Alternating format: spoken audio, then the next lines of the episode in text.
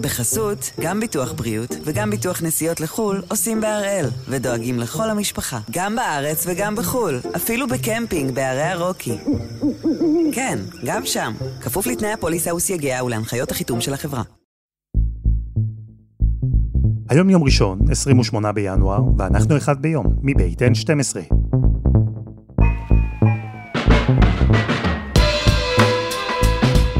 אני אלעד שמחיוף, ואנחנו כאן כדי להבין טוב יותר מה קורה סביבנו, סיפור אחד ביום, בכל יום.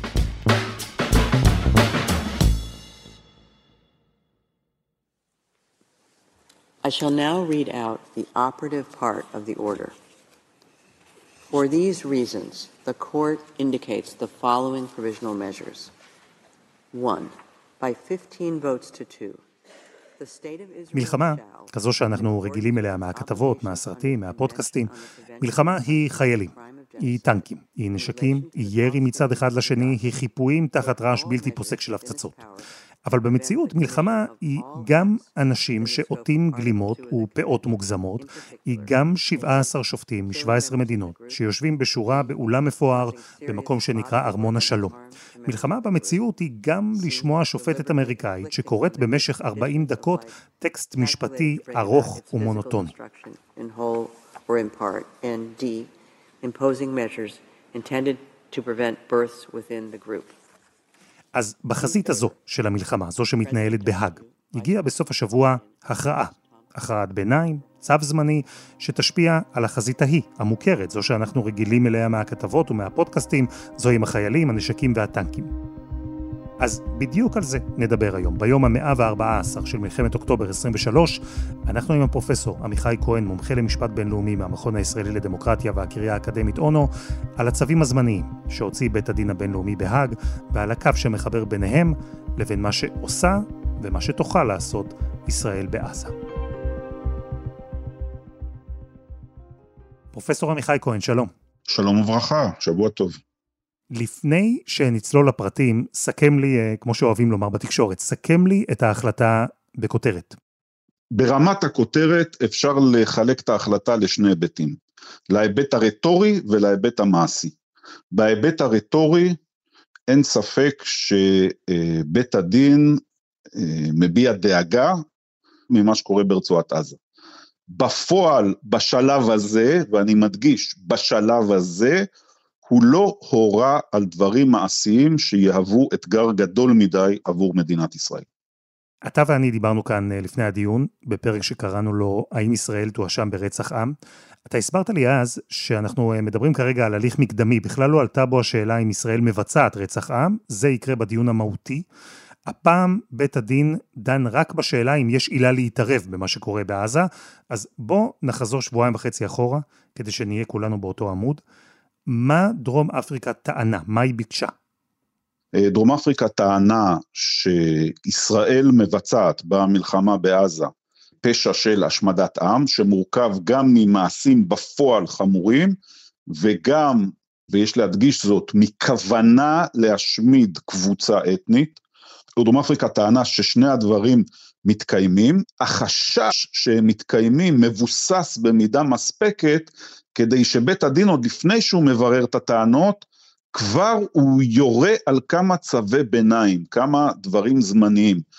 במיוחד דרום אפריקה אה, ביקשה, והיא שמה את זה במרכז הטיעון שלה, להורות על הפסקת אש חד צדדית מיידית שישראל תפסיק את הלחימה. זאת הטענה של אה, דרום אפריקה. כלומר, דרום אפריקה אמרה שהמצב בעזה כל כך חמור שאין זמן לחכות להחלטה סופית שתגיע בעוד כמה שנים, צריך לעצור את המלחמה, לפי הבקשה שלהם, כדי למנוע את מה שהם מגדירים המשך רצח עם. ואיך ישראל ענתה לזה? ישראל התמודדה עם כל אחד מה, מהטיעונים. ישראל השתדלה להתמודד עם שאלת הכוונה, ואמרה שהן ההצהרות הרשמיות במדינת ישראל, שהן הקובעות מדברות על כך שישראל תפעל לפי הדין הבינלאומי, וזה העיקר, ואין שום כוונה להשמיד את כלל הפלסטינים, המלחמה היא רק נגד החמאס, ובסופו של דבר ישראל גם טענה שרמת הסיוע ההומניטרי הניתנת כרגע היא כזו שאין צורך מצווים של בית הדין שיגבירו את הסיוע ההומניטרי, וגם שהלחימה גם עצימות הלחימה ירדה, ולכן הסכנה העתידית היא לא באמת גדולה. טוב, אז דרום אפריקה טענה, יש רצח עם בעזה, חייבים לעצור את המלחמה. ישראל טענה, אין רצח עם בעזה וצריך לעצור את התביעה. זה ממש על קצה המזלג כמובן, היו הרבה טיעונים, הרבה בקשות לשני הצדדים, לא ניכנס להכל עכשיו. מה קרה אבל אחר כך? איך עובד בעצם המנגנון שבו שופטי בית הדין הבינלאומי מקבלים החלטה אם ואיזה צו זמני הם יוציאו? בית הדין בהאג יש בו איזשהו הליך של דיאלוג פנימי, שהמטרה שלו היא להתמודד עם אחד הדברים שדיברנו עליהם, וזה השאלה של הטענה שהכל פוליטי. איך מתמודדים עם הטענה שהכל פוליטי? בית הדין מנסה לייצר קואליציות מאוד גדולות.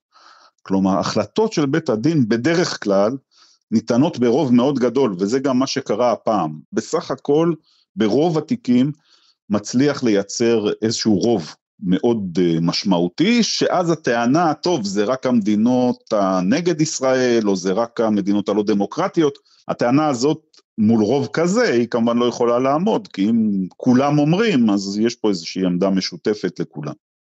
אז השופטים מחליפים ביניהם מסרים, כלומר כל שופט מקבל את ההחלטה שלו בעצמו, אבל אחר כך הוא מן הסתם גם קורא את הנימוקים של השופטים האחרים, ואולי משנה במשהו את דעתו. בכל מקרה, בתיק הספציפי הזה הייתה סקרנות ועניין גדולים מאוד בעולם. אני יכול לספר לך שכשאני הייתי שם בדיון, אז היה בלאגן אדיר וזה היה מאוד מורגש.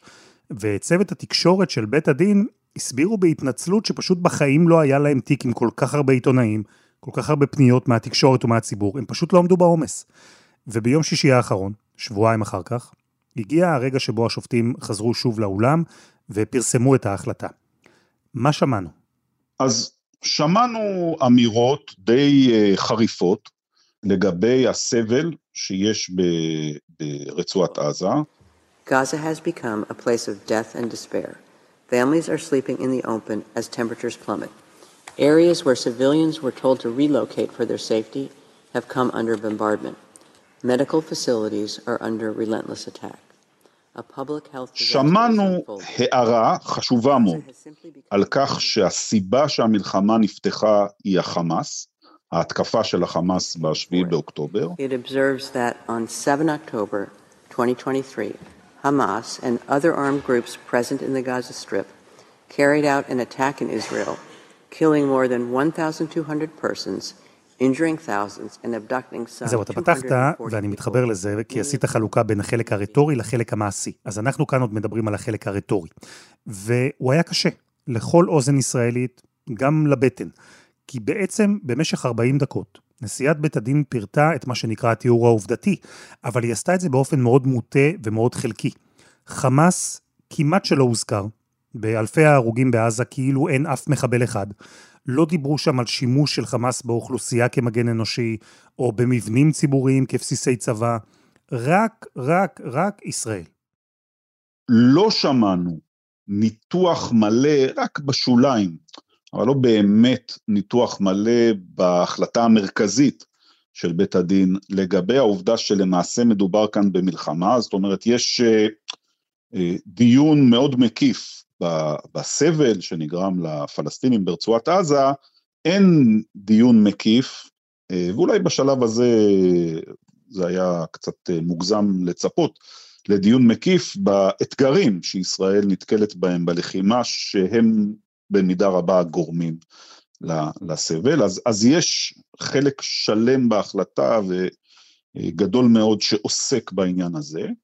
יש אבל פירוט של הטענות של ישראל, ויש בהחלטה כל מיני רמזים לכך שבית הדין פה מבין שלהוכיח את התיק עצמו יהיה קשה מאוד לדרום אפריקה. זאת אומרת, זו החלטה מאוד ראשונית, מבוססת על אמירות, בעיקר מודרכת על ידי כך שבית הדין מסתכל ורואה כאן אה, באמת, כפי שמתואר על ידי גופי האו"ם, קטסטרופה בהתהוות. אז זהו, שבסוף בהחלטה הכתובה, כן מופיעות הטענות הישראליות בחלקן, כן מזכירים את הדברים שאמרו אה, בצוות ההגנה הישראלי, אבל שוב, באותן 40 דקות של הקראת ההחלטה, זה לא היה קיים. גם 7 באוקטובר, גם הזוועות שעשה חמאס לישראל, זה הכל נאמר כבדרך אגב, למה? צריך להבין שבסוף בית הדין נכנס לדיון הזה מהטעם של אה, דרום אפריקה, אז הניצחון של דרום אפריקה הוא במידה רבה ניצחון רטורי.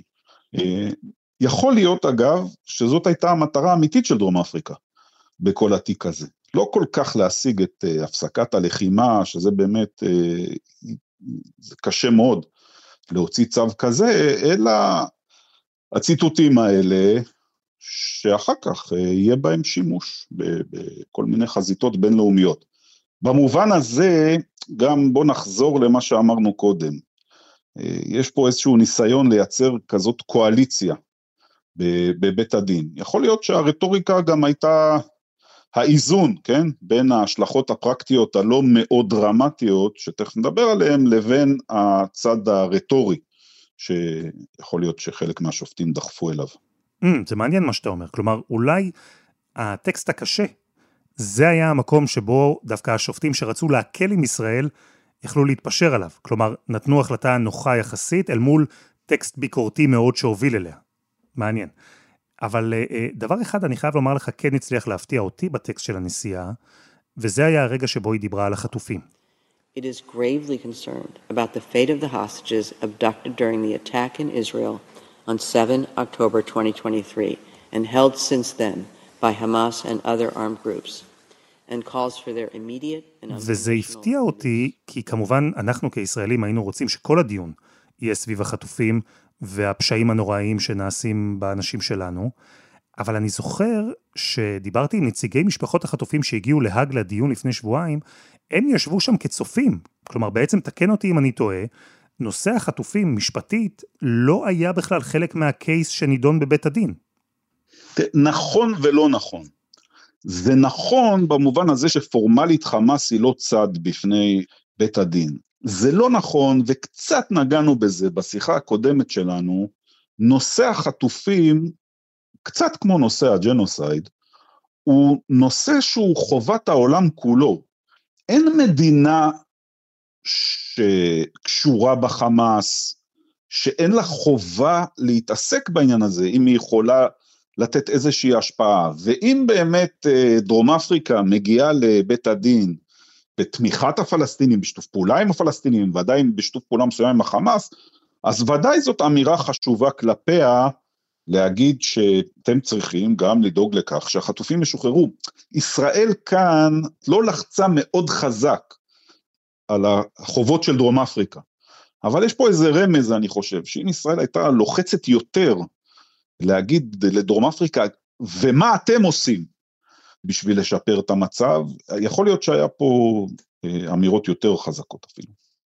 אז אלו האמירות, ונעבור אה, מהחלק הרטורי לחלק המעשי, כלומר להחלטה. יש דיסוננס, אולי אפילו דיסוננס גדול, בין ה-40 דקות הראשונות ואותה ביקורת קשה והנרטיב המוטה נגד ישראל, לבין ההחלטה שהגיעה אחר כך, שפרטה צעדים שהם מאוד כלליים, רחוקים מאוד מלהצביע על איזו דחיפות או בהילות גדולה ביחס למצב בעזה. כלומר, מי ששומע את 40 דקות הראשונות, היה יכול לצפות להחלטות נוקשות הרבה יותר, שלא הגיעו.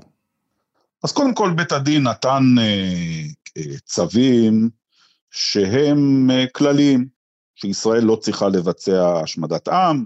הטענה עצמה לא מחייבת את ישראל לעשות שום דבר שונה ממה שהיא עושה, כל עוד מדינת ישראל אומרת, אנחנו באמת לא מבצעים אה, השמדת עם.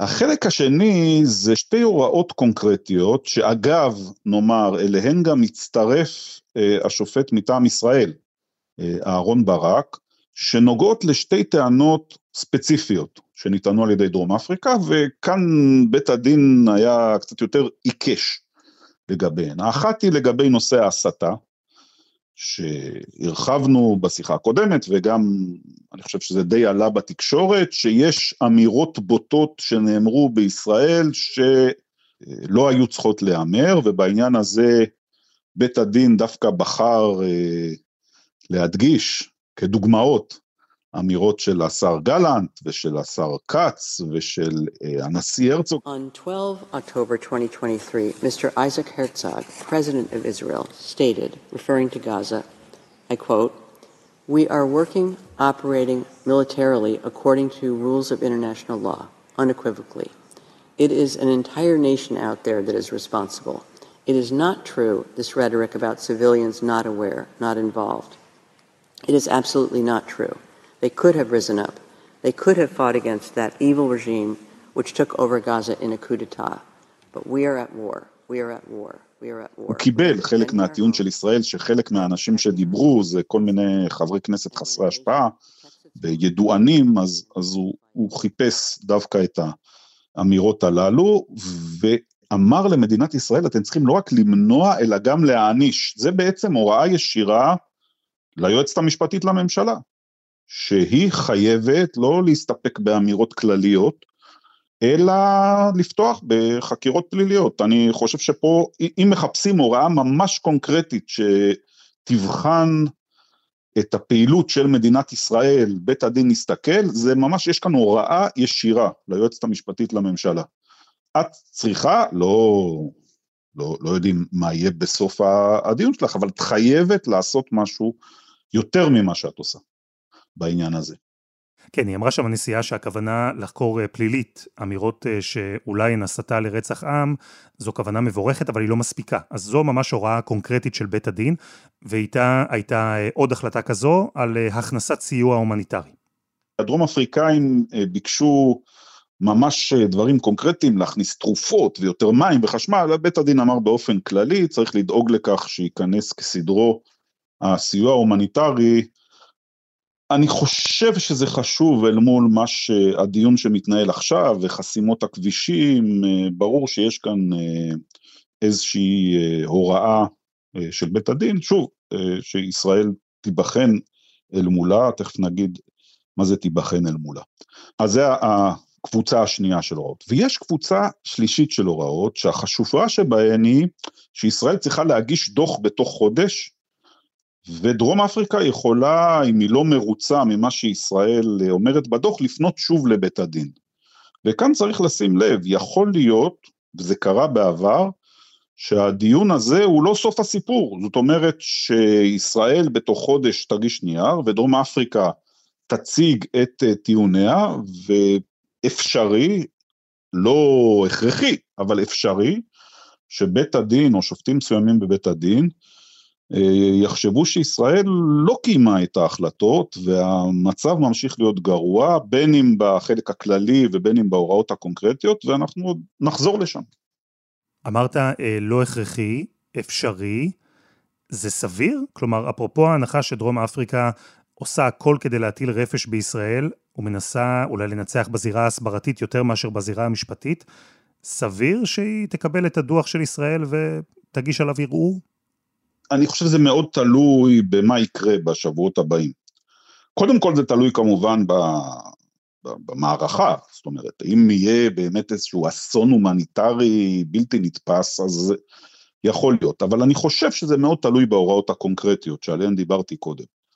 זאת אומרת, אם בעוד חודש ישראל למשל תחזור בעניין ההסתה, ותגיד, החלטנו שאנחנו לא עושים שום דבר, או תתעלם מזה, אז, אז כן, יש אפשרות שהדבר הזה יחזור. זאת אומרת, ניתנו, זה מה שאני אומר, ניתנו שתי הוראות קונקרטיות, ובמידה רבה שאלה אם נחזור, תלויה בשאלה האם אנחנו אה, נוכל לספק תשובות בשתי השאלות הקונקרטיות. השאלה של הסיוע ההומניטרי היא יותר מסובכת, אפשר להתחמק, ישראל הרי כן מספקת סיוע הומניטרי, אז כל עוד לא יפסיקו אותו וכל עוד הוא ימשיך להיות סביר, אז, אז אני מניח שישראל תוכל להסביר את זה. הנושא של ה... פעילות נגד הסתה, שכאן ממש יש אה, הוראה, חייבים לפעול, זה נושא שאם לא, לא, לא יקרה כלום, יהיה יותר קשה להסביר. כן, אבל בכל מקרה יש דבר אחד שהוא לא סביר לדעתי, וזה שישראל שהשקיעה הרבה מאמצים כדי אה, לשלוח נציגים מוכשרים שיציגו את הקייס שלה עד עכשיו, לא סביר שישראל עכשיו אה, תכין מסמך שאומר אנחנו פשוט מתעלמים מהוראות בית הדין, אני לא חושב שזה יקרה. אבל אם דרום אפריקה בכל מקרה לא תהיה מרוצה מהדוח, היא מה, שוב תוכל לבקש מבית הדין לקבל החלטות נגד ישראל? בית הדין הזמין את דרום אפריקה, הוא אמר, ישראל תגיש דוח, הדוח יועבר לדרום אפריקה, אם דרום אפריקה לא מרוצה מהתשובות שהתקבלו בדוח, היא יכולה לפנות עוד פעם לבית הדין.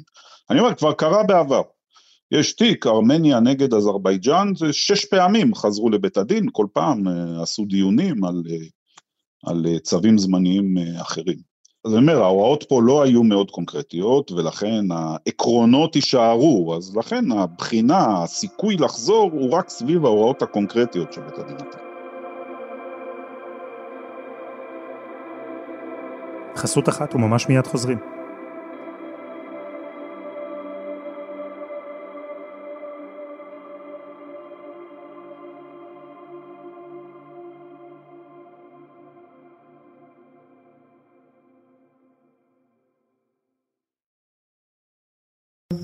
בחסות, גם ביטוח בריאות וגם ביטוח נסיעות לחו"ל עושים בהראל, ודואגים לכל המשפחה, גם בארץ וגם בחו"ל, אפילו בקמפינג בערי הרוקי. כן, גם שם, כפוף לתנאי הפוליסה וסייגיה ולהנחיות החיתום של החברה.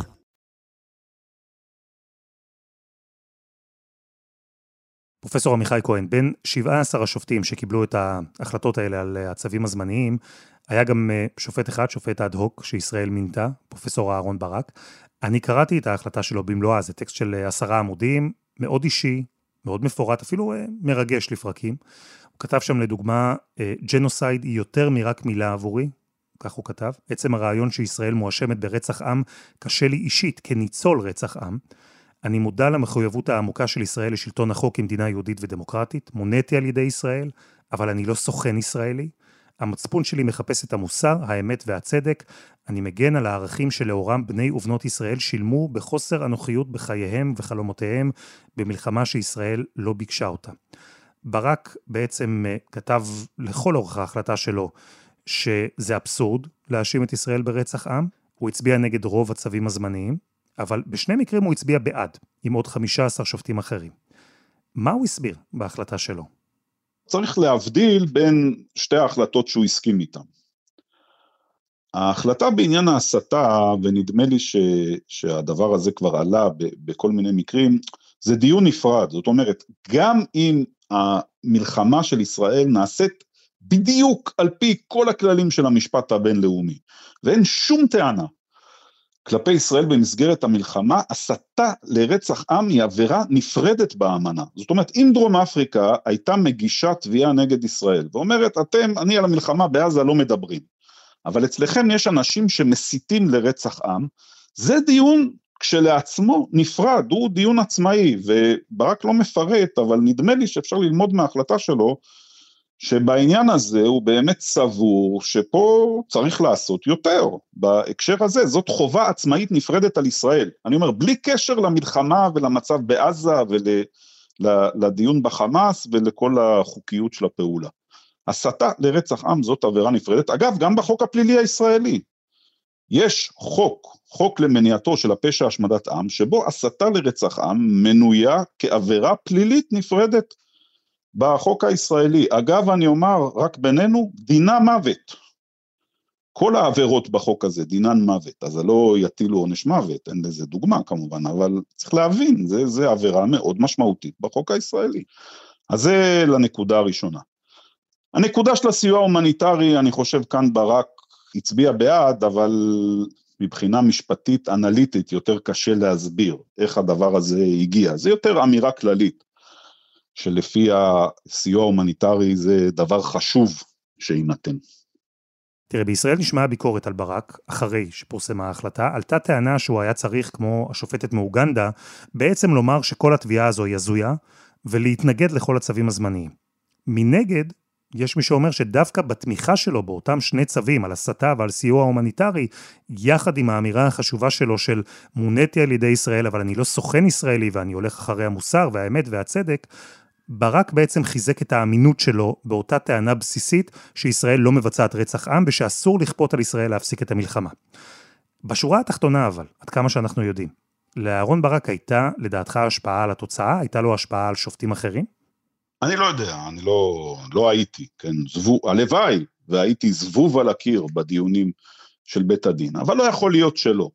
לא יכול להיות שמגיע שופט מהחשובים בעולם, עם ההקשר האישי של אה, ילד ברח מימי השואה, ועם ההקשר האישי של שופט, שהוא שופט עצמאי, שהותקף על ידי הממשלה שלו, ושם על השולחן עמדה שאומרת, אני אומר את האמת, אני לא שליח המדינה, אותה מדינה שכל השנה האחרונה, אה, אותה ממשלה, סליחה, שכל השנה האחרונה אה, התקיפה אותי, לא יכול להיות שזה לא השפיע ברמה מסוימת. ושוב, צריך להבין, ההחלטה של אה, בית הדין היא ברמה מסוימת, החלטה מתונה.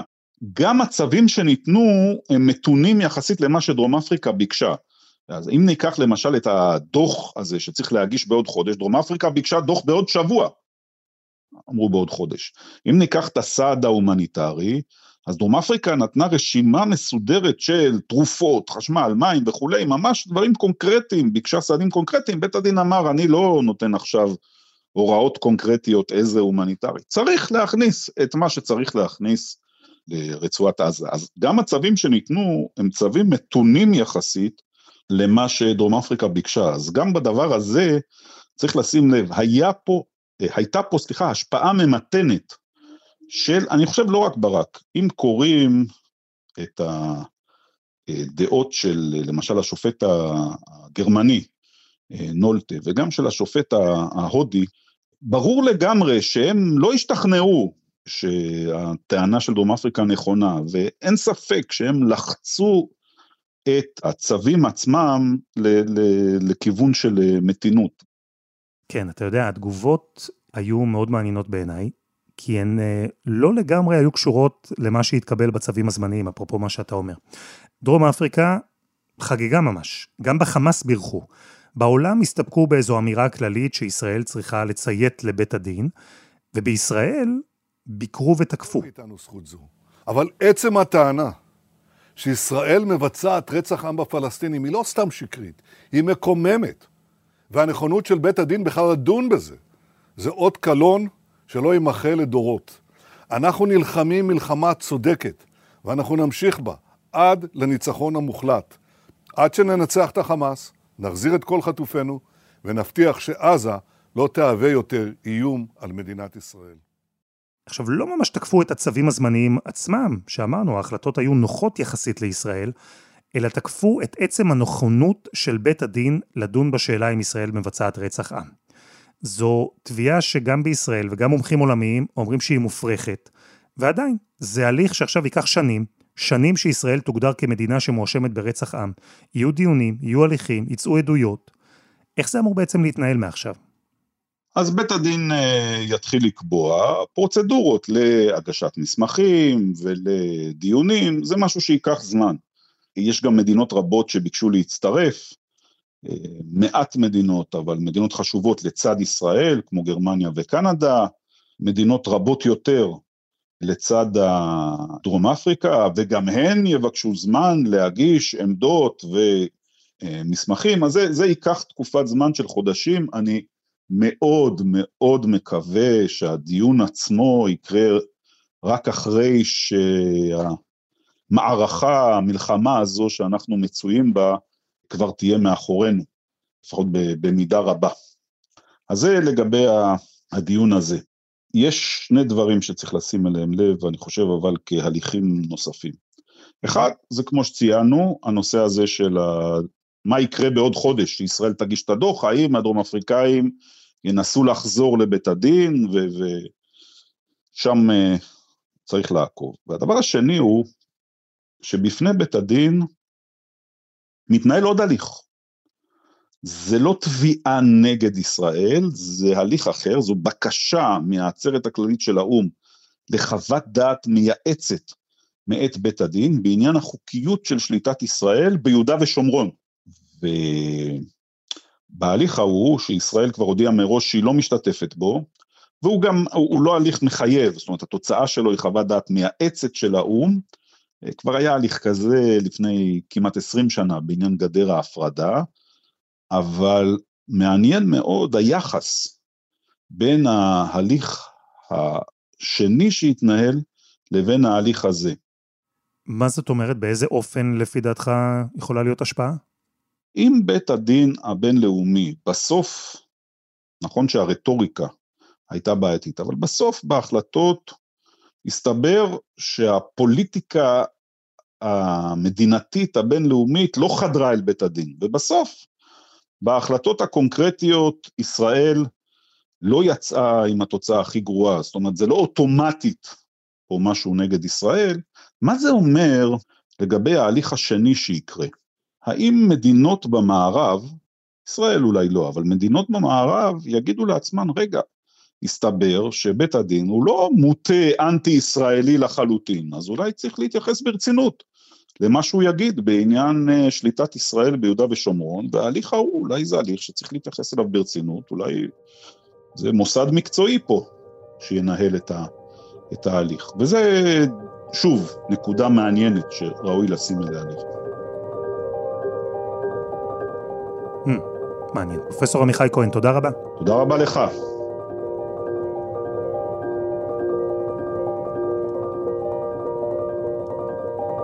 וזה היה אחד ביום של N12. אנחנו מחכים לכם בקבוצה שלנו בפייסבוק, חפשו אחד ביום, הפודקאסט היומי. העורך שלנו הוא רום אטיק, תחקיר והפקה דני נודלמן, שירה הראל ועדי חצרוני. על הסאונד, ספיר רוזנבלט, יאיר בשן יצר את מוזיקת הפתיחה שלנו. אני אלעד שמחיוף, אנחנו נהיה כאן גם מחר.